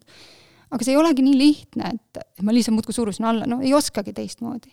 et selles mõttes on ikkagi hea, kui on ju abi, professionaalne abi või ka näited ja lood inimestest, kes on kuidas siis välja tulnud, sest et et võibki olla, et jaa, ma saan aru, et ma ei ole oma eheduses, aga ma ei oska olla ka nagu tões või ma ei oska olla see päris mina mm,. mina praegu tagantjärgi mõtestan oma depressiooni kui initsiatsiooni. üleüldse kõiki väga raskeid kogemusi ma mõtestan praegu kui initsiatsiooni, ehk et äh, üleminekut ühest äh, vaimsest äh, olekust või tasemest järgmisse. ja seda on võimalik teha, kui inimene nüüd võtab õppust, ütleme niimoodi siis et ta vaatab jälle üle, et mis on teda viinud sellesse punkti. et miks ta on jõudnud sellesse auku, kust tundub, et enam väljapääsu ei ole. ja jällegi praktikaid ja võimalusi on väga palju erinevaid, et äh, mõnda aitab psühhoteraapia, mõnda aitab jooga, mõnda aitab lihtsalt jalutamine looduses, mõnda aitab mingi kunst, tantsimine, maalimine, mis iganes. et seal ei ole ka seda õiget viisi, et hakka sedasi tegema ja siis sa tuled depressioonist välja. Lihtsalt hakka kuskilt pihta, hakka otsima midagi, mis sind aitaks, mõnda aitab sport. et seal on ja, ja neid põhjusi, miks inimene depressiooni langeb, neid on nüüd ka väga palju ja see on mingite selliste nagu sündmuste ja omaduste kokkulangemine, et keskkond, sündmused iseenesest ei mõju ju kõikidele inimestele ühtemoodi, et seal peab olema ikkagi mingisugune kas geneetiline või mis iganes eeldus, et inimene tajub ja kogeb neid asju selliselt, nagu ta kogeb. ja siis muidugi ka kogu see hormonaalne ja ajukeemia jutt sinna juurde, aga no mina oma peas jällegi mõtlen, et aga kuidas saab kogu see hormonaalne ajukeemia paigast ära minna. Et see saab ikkagi ju minna paigast ära sellepärast, et inimene pole enda eest hoolitsenud, ta pole kuulanud oma keha, ta pole toitnud teda õigesti, ta pole liikunud õigesti, ta on tegelenud endale vastumeelsete asjadega, ta on pidanud kokku puutuma traumeerivate sündmustega või mis iganes, et et ega see ajukeemia ju ka niisama plaksti paigast ära ei lähe, on ju. Jälle minu enda tõlgendus, aga ma arvan, et see kõik lõpuks taandub selleni, et äh, kas inimene on olnud endaga kontaktis, kuidas ta on endaga läbi saanud, endasse suhtunud.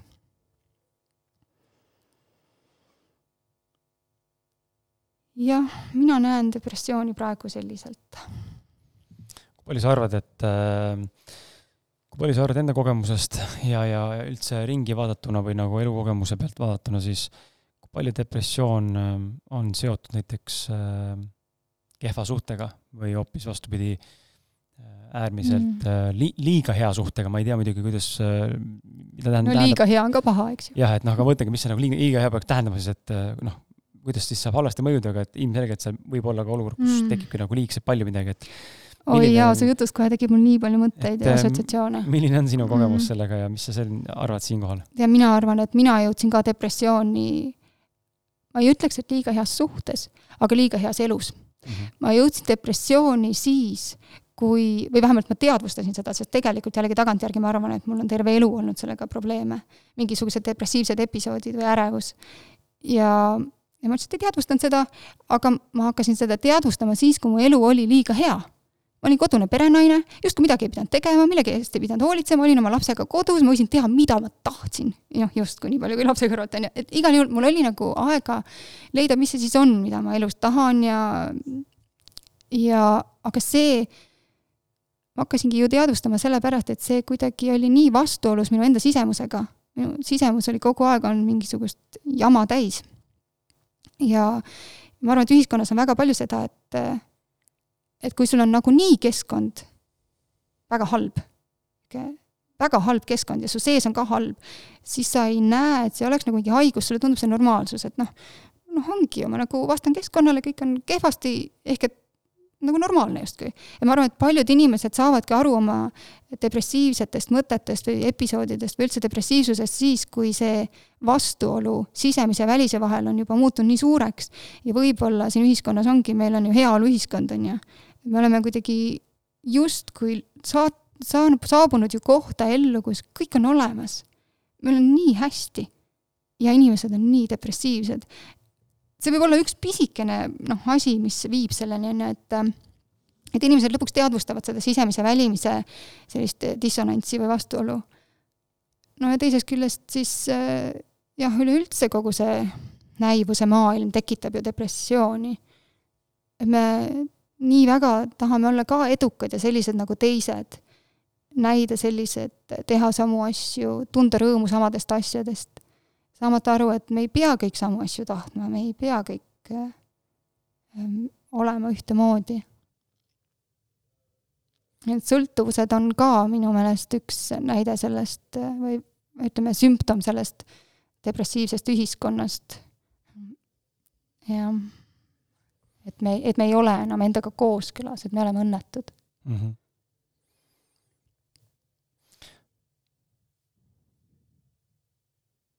kui me räägime suhetest, äh, kui me räägime suhetest, siis äh, tahaks teada, mis on sinu sellised, äh, noh, kuna sul ise raamatust tuleb ka välja tegelikult, et suhteid on olnud palju, ähm, noh, palju muidugi defineeritav, eks ole, aga ütleme, ise kasutasid ka sõna palju mm, -hmm.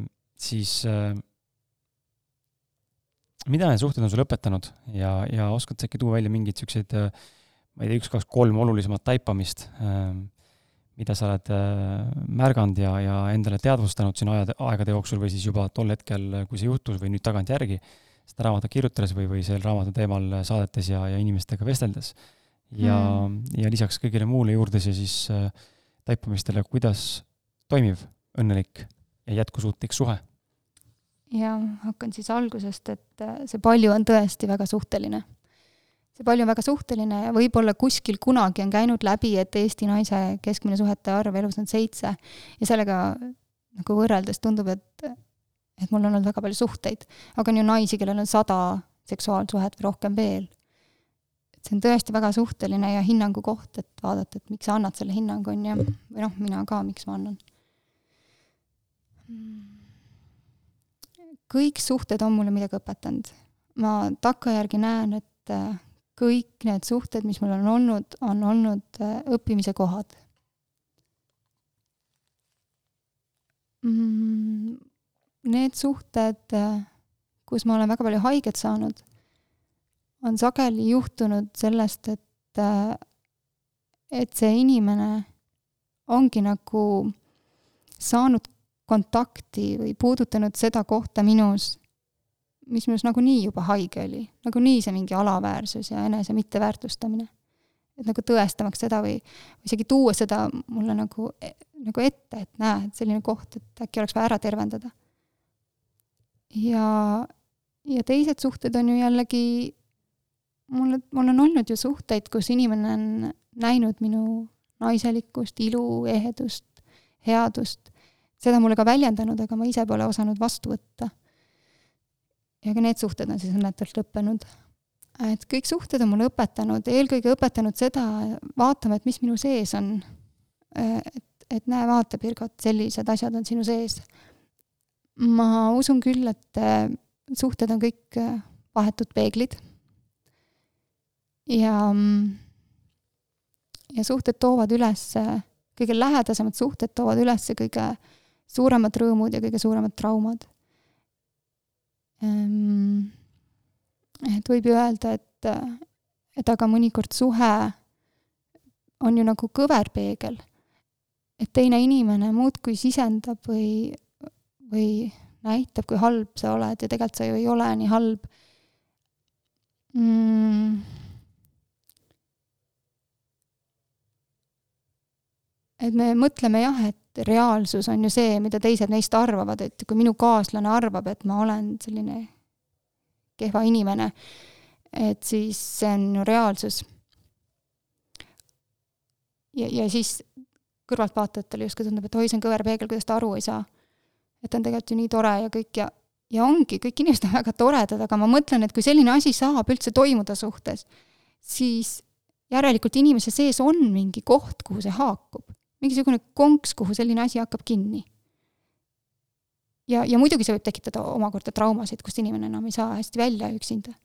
et see nagu süvendab neid traumasid või mingeid mõttemustreid või enesehinnanguid ja seda võib olla väga valus kuulata inimesel, kes on mingisuguses väga vägivaldses suhtes ja mõtelda, et oi, et kas minul sees on need konksud nüüd siis või. no aga tõenäoliselt on.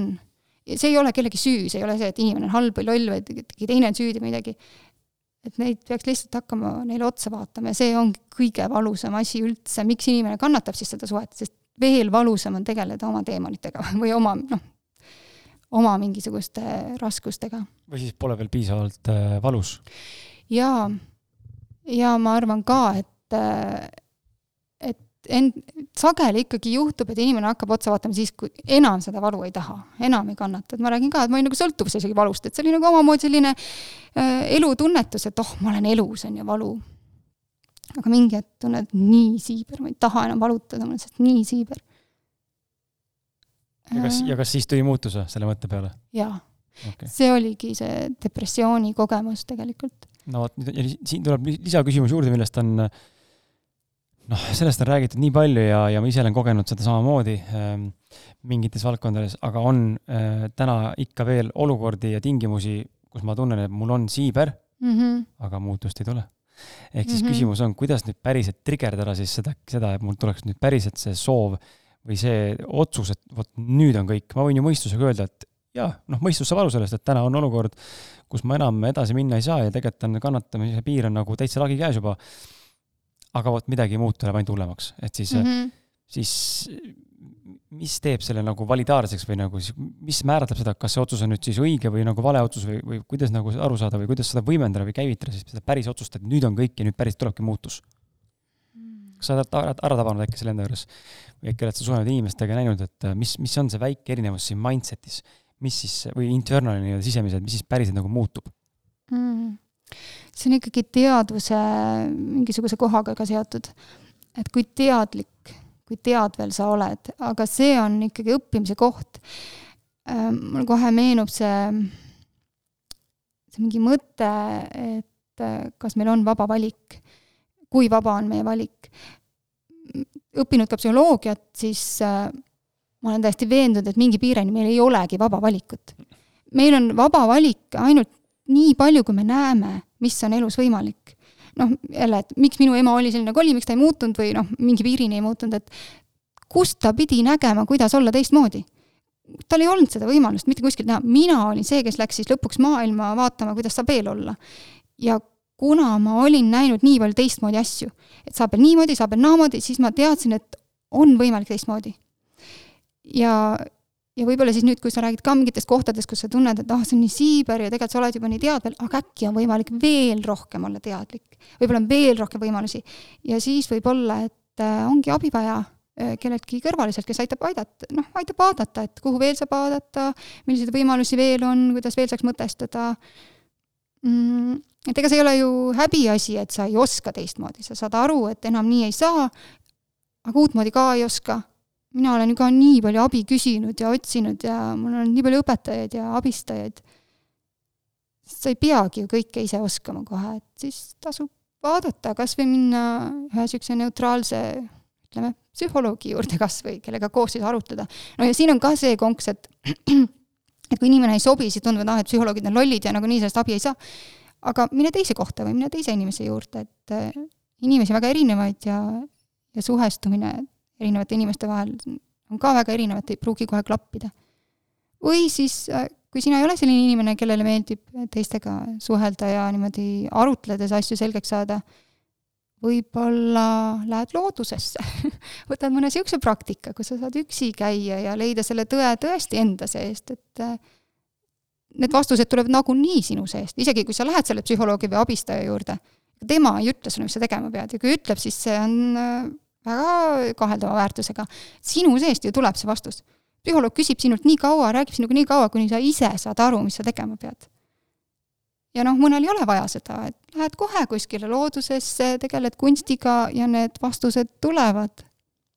aga siis otsidagi seda viisi lihtsalt jah, proovida erinevaid viise ehk siis võimalikkuste rohkus on see, mis siis aitab äh, lõplikku äh, otsust või nagu mm -hmm. valikut äh, lõplikult päriselt teha. see, see võib siiski kõlada ka natukene eksitavalt, et vaata, kui sul on hästi palju äh, ütleme, vahendeid, toolkit nagu öeldakse, oh, mul oleks mingi toolkit, kus võtta midagi.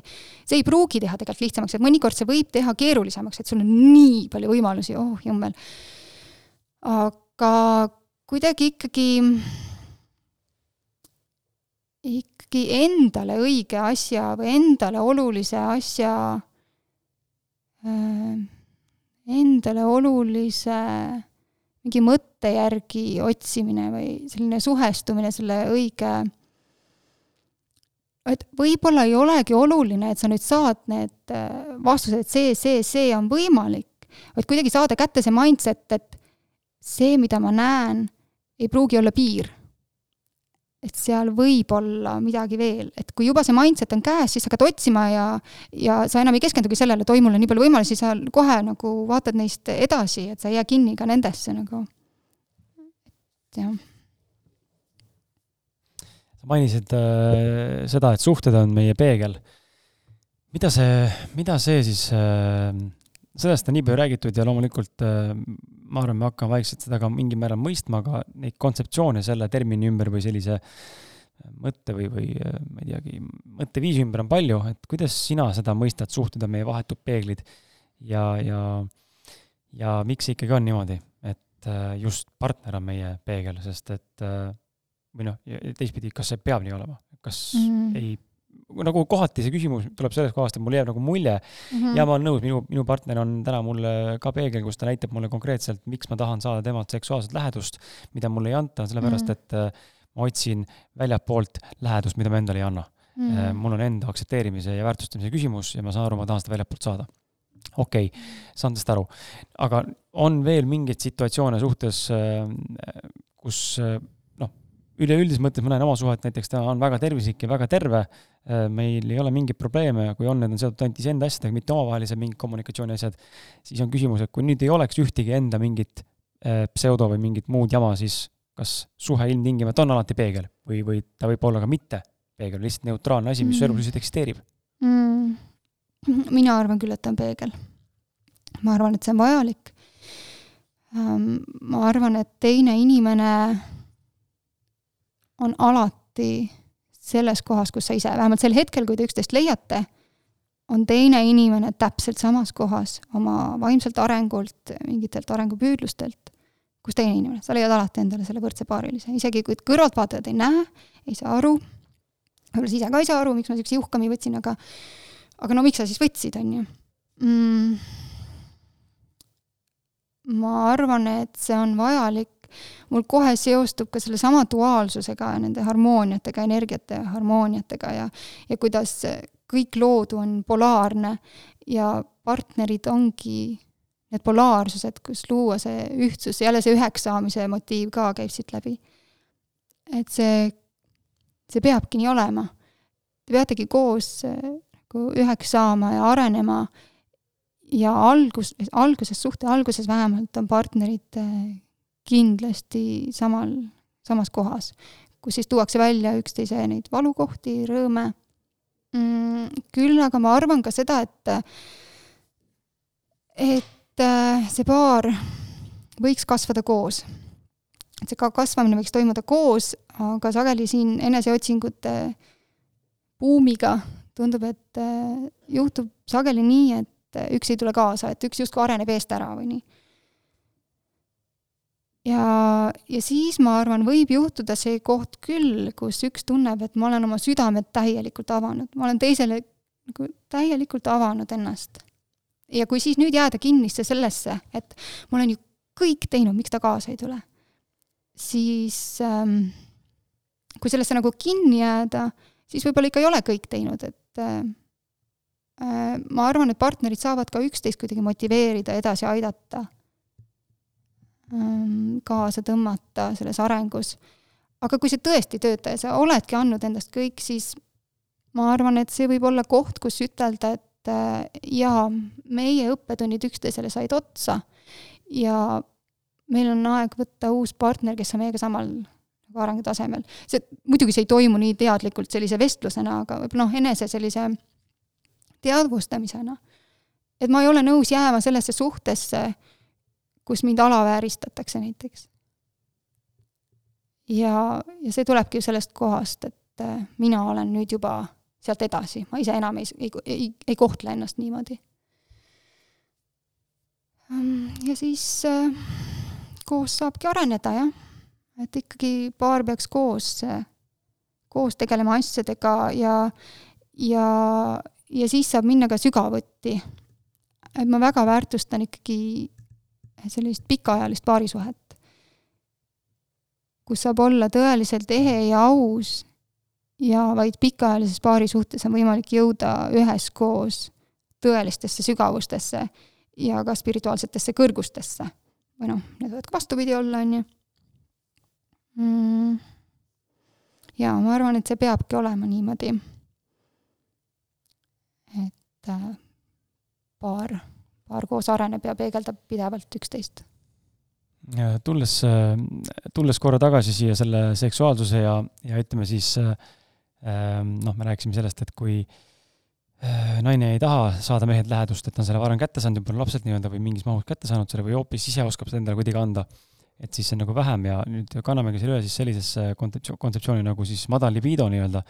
Äh, ja võtame nagu näite siis, et oletame, kui on mees madal libidoga või on naine, üldjuhul vist tundub, et mehed pigem on suurema drive'iga ja kohe-kohe-kohe valmis, on ju, et see äh, suguelund on kogu aeg, kogu aeg valmis tegutsema, on ju, naistel pigem võtab see aega Äh, ja iga naisel erinev, on ju, siis äh, kuidas partnerit aidata, kuidas aidata madala libidoga partnerit, äh, tõstes tema libidot, ilma et me kuidagi tema olemist siis nagu segaks ja kuidagi sunniviisiliselt mm. peale suruks.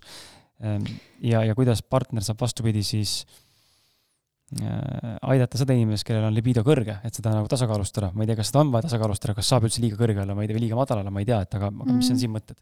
oi, nii palju mõtteid jälle esiteks, et, et partner või noh, üks inimene saab iseenda rahuldamisega täielikult igati ise hakkama, ma arvan, et ka see on okei okay., see, kui mina ütlen, et, et ma arvan, et paar peabki koos arenema ja, ja polaarsused peavadki koos olema, et tekiks harmoonia, siis ma arvan, et see ei tähenda, et inimene peab kogu aeg suhtes olema. Mhm. ka need üksi hetked on väga okeid ja see, et inimene on ka üksi harmoonias, on väga okei ja võib-olla mõnel tõesti on need polaarsused nii tasakaalus enda sees no ma ei tea, võtame kas mungad, on ju. et no ei ole vaja seda kaaslast, et, et see, et mina nii arvan, ei tähenda, et kõik inimesed peavad niimoodi elama, esiteks. Äh, teiseks ähm, äh, väga palju saab ära teha äh,, kui ühe partneri libido on teistmoodi. esiteks, seda lähetust saab ju ka teistmoodi kui ainult seksiga. seda seksuaalset lähedust saab ka teistmoodi kui seksides puudutused, kallistused, mis iganes praktikad. ja see ei pea isegi olema füüsiline. Mm, kui see libido on erinev, libido tase, siis noh, rääkida. Kõigepealt rääkida, vaadata otsa, miks see nii on um,. võib-olla ei olegi väga sügavaid põhjuseid, no lihtsalt on, sest et inimesed on ju ka erinevad ja eeldada, et kõik erutuvad ühtemoodi või samade asjade peale Äh, on ka võib-olla palju tahetud, siis sul tuleks rääkida ka seksist. selles mõttes, et mis see seks on, mida see tähendab kummagi jaoks üldse. Äh, et seal võib ka olla see asi, et, et ühe jaoks seks ongi nagu midagi toredat, mingi tore preemia, see on nagu no kõige parem asi, kõige mõnusam asi maailmas, ma tahan seda preemiat endale aeg-ajalt lubada. ja teise inimese jaoks on seks igav. mingi igav asi, mida peab tegema, see tipp ka ei ole nagu eriti nagu väärt seda pingutust. et ähm, no ma ei tea, kui paljud saavad niimoodi rääkida ausalt või endale ka otsa vaadata ausalt. Aga ma arvan, et see on okei okay,, et need asjad on erinevad ja see ei tähenda ka, et nüüd mingi katastroof oleks, kui näiteks see olukord, mis ma selgitasin siin praegu, tõin näiteks, siis äh, saab ju koos hakata vaatama, kuidas selle seksi ajal igavleva inimese jaoks ka see preemiaks muuta. et ka tema jaoks muutuks see millekski vägevaks ja võimsaks ja niisuguseks nii ägedaks ühinemise kogemuseks, et ma tahaks seda veel ja veel ja veel mm,. no tasub hakata siis vaatama, et mis see on, mis teeb seda igavaks või äkki on mingid traumaatilised kogemused all, mida peabki ära tervendama. võta, hakka sealt siis pihta, et et kas on mingid kogemused, mingid assotsiatsioonid, mis kohe tulevad üles ja ei lase nautida, ei lase avaneda ähm,. Võib-olla mingid mured, mingi stress, mis äh, ei lase näha seda äh, seksi nauditavana või sellesse üldse kuidagi nagu ennast lõdvestada ja sealjuures vaadata, et aga mis asjad on, mis tekitaks seda naudingut ja mõnu ja iha, et võib-olla on, need asjad on täitsa olemas, aga ei julge kommunika-, ei julge kommunikeerida partnerile, et tegelikult mulle meeldiks nii või tegelikult mul tekitab iha see või too. Ehm, et tasuks ikka rääkida, kui vähegi on niisugune jah, terve suhe üksteise jaoks saab väga palju ära teha. et kui partner ikka hoolib ja armastab, siis ta on nõus neid asju tegema, mis no muidugi mitte ennast kahjustavalt, eks ju, alati see, see asi sealjuures, et aga partner on nõus tegema neid asju ja tema tahab ju ka teada sinu fantaasiatest ja see on äge ju teha neid asju koos ja ja aidata sind nende ihadeni.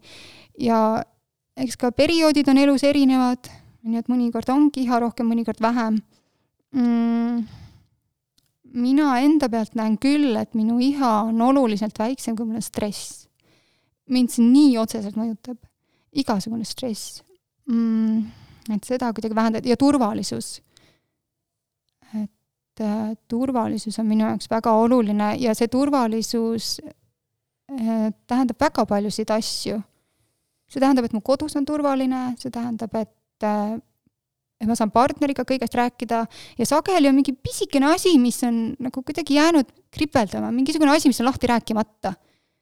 ja, ja see ei lase kuidagi nagu avaneda kaaslasele. et need võivad olla sellised väiksed asjad um,. ja, ja vahel kõige lihtsamad praktikad võivad olla kõige võimsamad.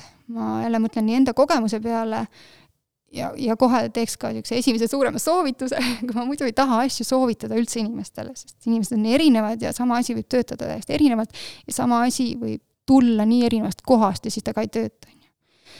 aga kõige lihtsamad praktikad on vahel kõige võimsamad.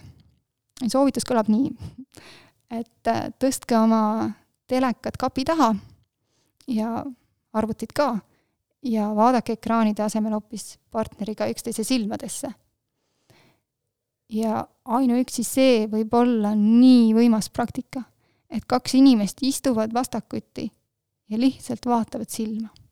ja vaatavad sügavalt silma ja tunnetavad enda sees, mis tunne see on teist näha. mis tunne on olla nähtud.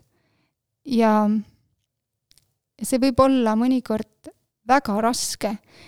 see võib olla endale raske nüüd järsku olla nii haavatav aga see võib olla ka partneri jaoks nii raske taluda, kui näiteks teine inimene kas või näiteks hakkab nutma selle peale või et kuidas ma nüüd sellega hakkama saan. et need võivadki olla lihtsalt niivõrd võimsad asjad, et alustada ikkagi lihtsatest asjadest, et mitte kohe mingisugused keerulised äh, tantra, ma ei tea, erinevate abivahendite, erinevate poosidega, et siis kõik saab lahendatud, et ikkagi lihtsast suhtlusest, ühendusest, et naise jaoks on see ühendus nii oluline. ma, ma ei kujuta enam ettegi, et ma suudaks üldse, üldse seksuaalset lähedust niimoodi enda ellu lubada, kui seda lähedust ei ole nagu hingeliselt. et kunagi ma otsisin ka seda valet pidi kuidagi. et ma saan päriselt avaneda ikka siis, kui mul on partneriga see hingeline ühendus vaimne ühendus loodud. ja, ja siis ei ole küsimust avanemises. selles mõttes isegi, et isegi kui mul iha ei ole, siis mul ei ole probleemi talle avaneda. see on, see on niivõrd teistmoodi, ma toon jälle mingi võib-olla natukene nagu keerulisem praktika võib tunduda, aga ka väga võimas selle avanemise koha pealt, mul tuli see meelde, on, on näiteks selline praktika, ühendumise praktika, et ma ühendun oma partneriga ka siis, kui meil ei ole parasjagu iha noh, see võib toimuda millal iganes, näiteks igal õhtul või igal õhtul ja hommikul või noh, kuidas iganes, et et me paneme korraks kõrvale kõik meie probleemid, kõik meie asjad ja me teame, et meie suhe on kõige olulisem. see on see point sealjuures, et meie suhe, meie hingeline, meie kehaline lähedus on kõige-kõige olulisem. ja me võtame õhtul üksteist kaissu ja me ühendume ka seksuaalselt et see ei ole see kirgede möll, et nii, nagu sageli on, et ma ei saa, ma ei saa sinuga praegu seksida, sest see peab olema spontaanne ja ma ei ole kuidagi, ma ei ihale üldse praegu ja et see tulebki nagu nii teisest kohast. ja, ja see lähedus on nii võimas. aga vot selline lähedus tõesti saab olla siis, siis kui on päris ehedus, päris ausus, kõik need probleemid on, noh, ei ole neid tiksuvaid probleeme seal, et siis siis sa suudad avaneda ka sellise praktikaga. ja, ja, ja tõesti, kaaslane tuleb milli-millimeeter haaval su sisse ja, ja te olete lihtsalt koos selles, selles ühenduses, te saate üheks, see on teie, teie kõige olulisem hetk. see on nii oluline ja, ja, ja siis võib juhtuda, et sellisest praktikast äh, võib ka iha tulla, ei pruugi ja seda ei tohiks ka forsseerida, kaaslane võiks, et noh, et, et sellised asjad peavad olema nii ehedast ja puhtast kohast, et ohoh, ma teen seda praktikat kaasa, küll, küll ta siis ka üles kütab või et noh, no kui juba see, et äkki saab seksivärki ka. ei, see ei, see ei käi nii, aga see sageli võib viia nagu meeletu ihani, meeletu kireni. et äh, tõesti lihtsad, ehedad, ausad praktikad. aitäh sulle! aitäh! ma ei, äh, rohkem küsimusi mul hetkel ei ole ja ähm, kas on kuskil mingeid, äh, ma ei tea, sotsiaalmeedialehti või kus sind jälgida saab, on sul enda mingi kanalid, kus sa jagad mingi blogi või, või mingeid mõtteid või mm,? ma olen nüüd mõnda aega oma Facebooki lehel jaganud äh, erinevaid postitusi, nagu blogipostitusi, kus ma jagan ka ausalt mingisuguseid arenemise kohti, oma oma lugusid, lookesi elust, tähelepanekuid, väikeste mingisuguste enda taipamistega. et see praegu on, ma mingi aeg andsin ka joogatunde, ma praegu seda rohkem välja ei reklaamiks, sest ma hetkel pean pausi sellega. et kontakt kõige parem on Facebooki lehel, jah, mu isiklikul Facebooki lehel. Väga vahva, väga mõnus oli kuulata ja, ja hea, et äh, sa tõid ka mõned äh, huvitavat taipamist, selles mõttes natuke teistsuguse nurga alt, kui võib-olla eelnevad külalised on toonud või me ise oleme siin saadetes äh, üksinda või siis koos teiste kaassaatete juhtidega rääkinud, et äh, väga äge. Ähm, võtsin sulle ühe raamatu kaasa, meil on äh, koostööpartner, ma ei tea, kas sul selline raamat on olemas, Imede hommik? ei ole. oled kuulnud, ei ole? ei ole. väga hea. Million Mindset kirjastus on siis meie ausad meeste podcast'i üks koostööpartneritest ja võtsin sulle sellise väikse teose kaasa, siis on siis äh, väidetavalt siis äh, saladus, mis garanteerib äh, elumuutused enne kella homm-, kaheksat hommikul, et äh, ma ei tea, oled sa hommikuinimene või mitte, aga võib-olla pärast seda siis hakkad mm. -hmm. aitäh, väga tore, aitäh! ja, ja ega mina tänan sind, hea kuulaja, et sa siin vastu pidasid ja, ja infot saad ammutada ja egas midagi, saade on meil selles mõttes tasuta, ainukene tasuline teenus, mis sulle on, on see, et too üks uus kuulaja, jaga seda saadet enda sotsiaalmeedialehtedel või ühe sõbraga või sõbrannaga või ema-isaga, siis seeläbi jõuab minu sõnum podcasterina ja, ja samas ka meie küla, saatekülaliste sõnumid jõuavad äh, seeläbi rohkemate inimesteni. ja egas midagi, äh, aitäh sulle, Pirgot! aitäh sulle, Kris! ja aitäh sulle, hea kuulaja, ja sinuga kohtume juba järgmises episoodis, äh, tšau, pakaa!